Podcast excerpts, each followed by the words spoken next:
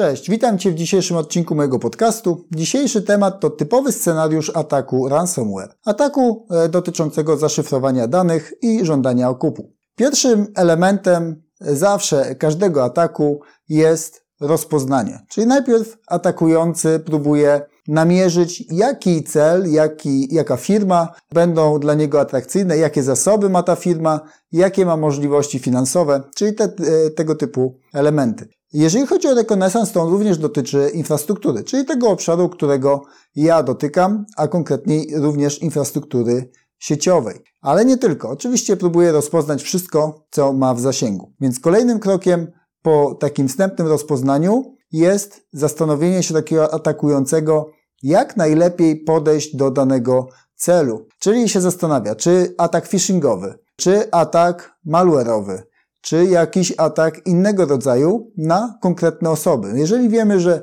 atakujemy daną konkretną firmę, no to pierwsze co jest, to jest oczywiście biały wywiad e, i tego typu osoby starają się zorientować, kto w tej firmie pracuje, jakie ma stanowiska, co może mieć w zasięgu swoich uprawnień, bo to głównie o to chodzi, czyli żeby osiągnąć jak najwyższe uprawnienia w danej organizacji, tak żeby e, osiągnąć dane, które są największą wartością dzisiaj praktycznie każdej firmy. Załóżmy, że to jest taki typowy scenariusz phishingowy. Czyli mają namierzoną firmę, e, ci, którzy chcą zaatakować, e, mają namierzone osoby, domenę, adresację mailową, no i wysyłają ten phishing. Wystarczy tylko, że w organizacji która ma na przykład 10 tysięcy osób, jedna osoba kliknie, ale odpowiednia, kliknie w taki phishingowy e-mail, no i mają dostęp do stacji końcowej. Jeden z przykładów, które ostatnio e, omawiałem, to był przykład e, kompromitacji Okta, prowajdera tożsamości, gdzie serwisowy inżynier dostał właśnie, czy jakby miał malware zainstalowany, który umożliwiał e, wykonywanie kodu z jego stacji. I wszystko, co miał w zasięgu, było narażone na taki atak, czyli wszystkie informacje dotyczące wszystkich case'ów, wszystkich e, spraw, które obsługiwał i systemy, do których miał dostęp. Załóżmy więc, że w takiej firmie namierzają jakąś osobę, zapewne na początku to będzie jakiś taki typowy pracownik, typowym poziomem uprawnień. Czyli e, mamy e, sytuację taką, że jest już jakiś malware i dostęp do stacji końcowej i dostęp do naszych zasobów firmowych, ale od strony wewnętrznej. I taki typowy schemat, że z zewnątrz to jest niebezpiecznie, czyli z internetu, a wewnątrz firmy jest bezpiecznie, czyli że mamy pracowników w naszym biurze i oni są bezpieczni, to już wiadomo, że taki schemat nie działa. Jeżeli mamy już e, takiego atakującego na stacji końcowej,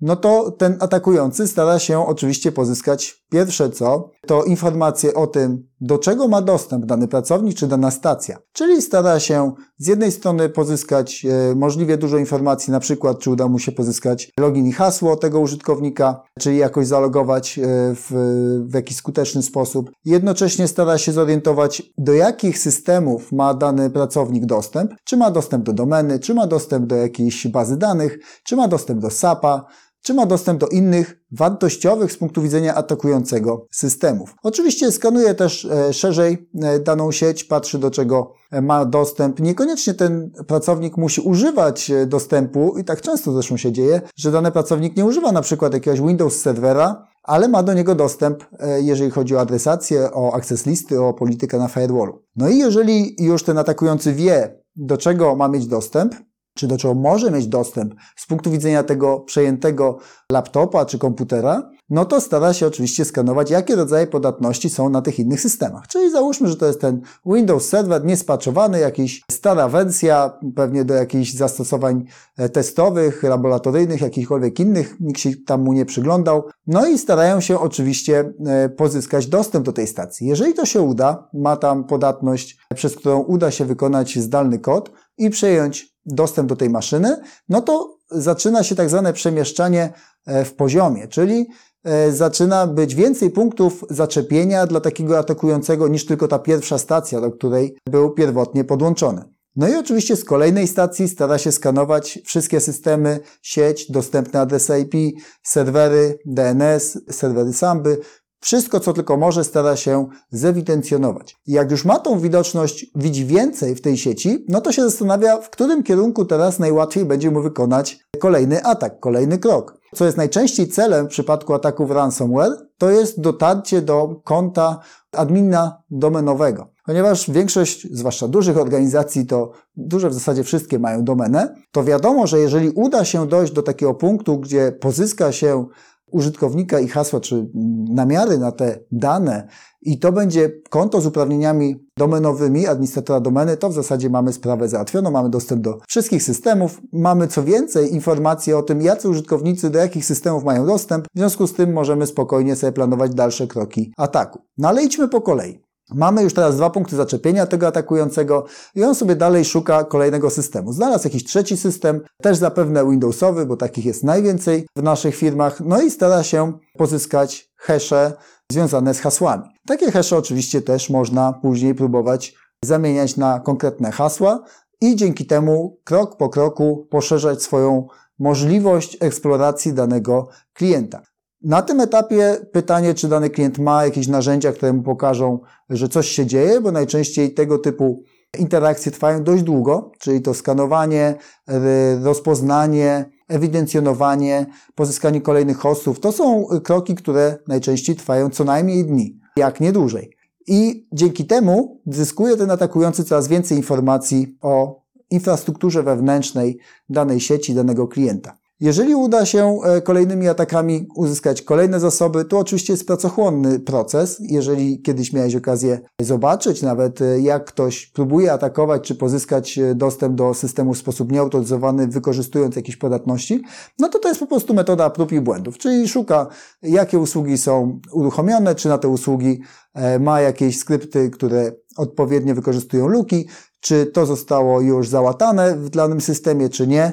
I teraz zobacz, że jeżeli masz dostęp do większej ilości systemów, to szansa, że znajdziesz lukę w jednym z nich rośnie. Czyli chodzi o to, żeby powiększać jak najbardziej swój zasób dostępnych systemów i próbować możliwie jak najwięcej ataków znanych przede wszystkim na systemy, które mogą być niespaczowane. I tutaj też jest ciekawostka, jeżeli chodzi o y, takie najlepsze praktyki dotyczące bezpieczeństwa, to łatanie dziur bezpieczeństwa jest w ogóle jednym z filarów zapewnienia w każdej firmie możliwie jak najwyższego poziomu bezpieczeństwa. Natomiast z drugiej strony tych podatności w dużych firmach to jest na tysiące. W związku z tym zespoły utrzymaniowe nie są w stanie na bieżąco łatać wszystkich systemów. To jest po prostu operacyjnie niemożliwe. Dlatego y, często jest tak, że angażuje się pewne narzędzia, które nam potrafią priorytetyzować te podatności i dzięki temu wiemy, gdzie mamy jakie podatności i jak je łatać. No bo to nie jest kwestia tylko narzędzia do patch managementu, czyli do tego zarządzania patchami, czyli tymi łatkami, ale też e, to jest kwestia okien serwisowych. No przecież te systemy najczęściej coś robią, e, aktualizacja ich wymaga restartu. To są często klastry, czyli to nie jest tak jak z komputerem końcowym, że dobra, to odpocznę sobie chwilę, 5 minut poczekam i mi się zaktualizuje i mam wszystko gotowe.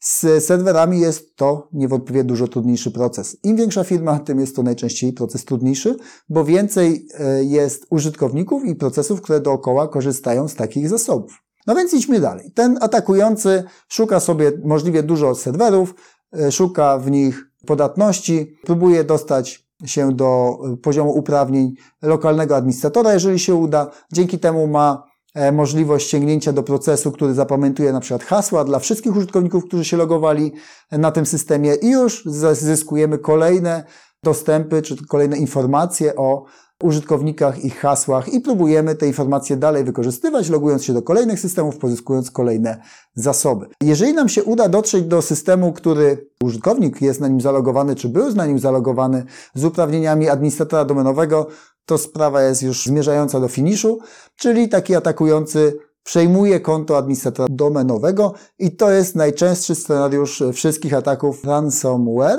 czyli ataków dotyczących y, zaszyfrowania danych. No bo jeżeli mamy taką sytuację, a standardowo to ta nasza domena jest centralnym e, zasobem przechowywania informacji o użytkownikach, no to mamy możliwość już ten dostępu do dowolnego systemu e, w naszej domenie, Większość to są systemy domenowe jednak. I jak mamy dostęp do takich systemów, no to po pierwsze możemy dokładnie powiedzieć, jakie to są systemy, jakie bazy danych, jakie systemy backupowe używają w danej firmie, gdzie są e, te dane przechowywane, jak one są wysyłane, jeżeli są na zewnątrz. I jak mamy te wszystkie dane, już rozpoznanie jest totalne, no to ostatnim krokiem takiego ataku ransomware jest po prostu rozpoczęcie masowego szyfrowania danych. Czyli na wszystkich systemach, które chcemy unieruchomić i taki atakujący chce przejąć jakby tutaj e, możliwość e, otrzymania, czy zgłasza to możliwość e, odszyfrowania danych w zamian za okup, no to jakby Proces jest już w zasadzie na tym etapie trudny do zatrzymania. Są narzędzia oczywiście, które potrafią wykrywać tego typu różne zachowania, robić backupy, próbować je później przywracać. Widziałem ostatnio takie rozwiązania bardzo fajne, bardzo ciekawe, ale pytanie, czy da się je zastosować w dużej skali na wszystkich serwerach, które używamy, e, czy to raczej będzie dotyczyło tylko stacji roboczych. Tu są różne przypadki tych ataków, w zależności od tego, jakie dane, jak wartościowe są wykorzystywane w jakich miejscach, czy przechowywane w jakich miejscach. Więc tutaj e, na pewno rozpoznanie jest kluczem, na pewno dostęp do odpowiedniego poziomu uprawnień jest kluczem, no i na koniec to, co większość tych zaatakowanych firm widzi, no to po prostu tylko ekran, że proszę bardzo, tutaj możesz wpłacić okup, a za to będziemy mogli Ci odszyfrować, odzyskać te dane, które Ci właśnie zaszyfrowaliśmy. No więc tak to wygląda, jeżeli chodzi o typowy scenariusz ataku. E, no i warto może dwa słowa powiedzieć, jak w związku z tym się bronić. No po pierwsze, warto się dokładnie zapoznawać z bieżącymi trendami, jeżeli chodzi o to, w jaki sposób atakowane są dzisiejsze systemy. Ransomware jest jednym z wyników takich ataków, ale oczywiście może być wariant tego typu infiltracji, dający nie tyle zaszyfrowanie danych, co pozyskujący w sposób niezauważony te dane dla y, osób y, czy atakujących, które są zainteresowane jakimiś bardzo interesującymi danymi, najczęściej niepublicznymi z różnych powodów. Więc pierwszy element to jest zabezpieczanie się w kontekście dostępu. I jednym z e, pierwszych takich dobrych praktyk to jest planowanie w ogóle całej infrastruktury w sposób, który e, jest jakby minimalnie udostępnia zasoby dla użytkowników w sposób taki, który jest wymagany minimalnie do realizowania funkcji, które dany pracownik powinien robić. E, z punktu widzenia na przykład infrastruktury sieciowej, to jest te, te, ten trend Zero Trust Network Access, czyli że udostępniamy dany zasób użytkownikowi, ale tylko w konkretnym zakresie, który jest potrzebny dla jego roli. Jeżeli nastąpi tego typu atak i na przykład jego stacja zostanie przejęta, to wiemy, że on miał dostęp tylko do tych konkretnych systemów. Już jest nam łatwiej ograniczyć e, dalsze kroki czy blokowania, czy ograniczania dostępu, czy analizy, co się wydarzyło, do części tylko systemów. Kolejnym oczywiście krokiem jest e, bardziej rozwinięte systemy analizowania tego, co się działo. I to też jest e, olbrzymi temat, bardzo ciekawy, jakie nowe systemy mogą nam pomóc wizualizować e, dany etap, czy taką historię ataku i to, w którym miejscu się obecnie znajduje ten, który wykonuje ten atak, bo to jest bardzo kluczowa informacja. Oprócz tego, że możemy sobie historycznie badać, co było, to najbardziej nam najczęściej zależy na tym, że jak już dostaniemy jakąś informację, że atak jest na jakimś etapie wykonywany, na przykład rekonesansu, no to jesteśmy w stanie zablokować dalsze kroki. I tu też są ciekawe narzędzia, które tego typu e, kroki pozwalają podjąć. Natomiast nic nie zastąpi świadomości administratora przede wszystkim, to jest tak jak z budowaniem zamku. To jak zaplanujesz sobie tą architekturę bezpieczeństwa jest kluczem. Czyli jak zbudujesz sobie zamek, który ma wysokie mury, ma podwójną warstwę, ma odpowiednich strażników dookoła, to jest Ci łatwiej odeprzeć atak, który przyjdzie z nienacka niż jak masz sobie swoją wioskę z małą palisadą i nagle się okazuje, że zaatakował cię ktoś, a ty jesteś zupełnie nieprzygotowany. I to jest dokładnie tak samo. Czyli pytanie, jakimi narzędziami się wyposażyć, żeby być możliwie przygotowanym, jak zabezpieczyć swoją infrastrukturę, jak zabezpieczyć systemy, jak zabezpieczyć e, dostęp do laptopów czy stacji końcowych użytkowników. Na każdy z tych tematów można długo opowiadać. Dzisiaj nie będę każdego etapu rozwijał. Natomiast ważne jest to, żeby próbować robiąc zmiany w architekturze, robić ją w sposób, który umożliwia ograniczenie dostępu do zasobów. Pierwszy z brzegu, bardzo klasyczny przykład, to jest tworzenie e, sieci DMZ-owych. W założeniu takich, które potrafią przyjąć ruch z zewnątrz, jak potrzebujemy taki ruch, ale jednocześnie nie ma możliwości z takiego DMZ-u dostać się do środka przez samego firewalla. Oczywiście to jest jeden z przykładów zakładający przede wszystkim zabezpieczenie się od sieci publicznych, natomiast ten phishing, o którym wspomniałem, I większość ataków dzisiaj przeprowadzanych jest jednak od strony wewnętrznej i tutaj bardziej idziemy w stronę systemów nakowych, czyli Network Access Control, ograniczanie dostępu, monitorowanie końcówek, posiadanie wiedzy na temat tego, co się łączy do naszej sieci, w którym miejscu się łączy. To są podstawy całkowite do tego, żeby budować tą swoją architekturę e, sieciową przede wszystkim, bo ja się zajmuję głównie tą częścią, e, która oczywiście gdzieś tam za chwilę podłącza systemy wszelkiego typu. Natomiast jedno jest pewne, podatności na systemach różnego typu zawsze będzie mnóstwo. E, to wynika ze schematu pisania kodu i z tego, jak bardzo rozbudowany ten kod jest i jak bardzo bazuje na różnych gotowych bibliotekach. Więc tutaj spokojnie można śmiało przyjąć, że w najbliższym przewidywalnym czasie podatności nam nie zabraknie. E, jeżeli nie, nie znasz jakichś podatności w systemach rozbudowanych, to raczej można przyjąć, że po prostu nikt nie bada tych systemów pod kątem bezpieczeństwa, niż to, że one są bezpieczne i nie mają podatności. E, widziałem już wiele razy taki przykład, że dany producent, który wszedł w taką aktywną ścieżkę badania bezpieczeństwa dla swoich systemów czy rozwiązań, cyklicznie potem publikuje różne biuletyny bezpieczeństwa, które mówią, o tutaj znaleźliśmy podatność, tu znaleźliśmy podatność. Tak po prostu w dzisiejszym świecie jest i warto sobie zdawać z tego sprawę. Na dzisiaj to tyle. Dziękuję Ci za uwagę. Jeżeli masz jakieś pytania, to oczywiście pisz w komentarzu, a jeżeli nie, to e, widzimy, słyszymy się za tydzień.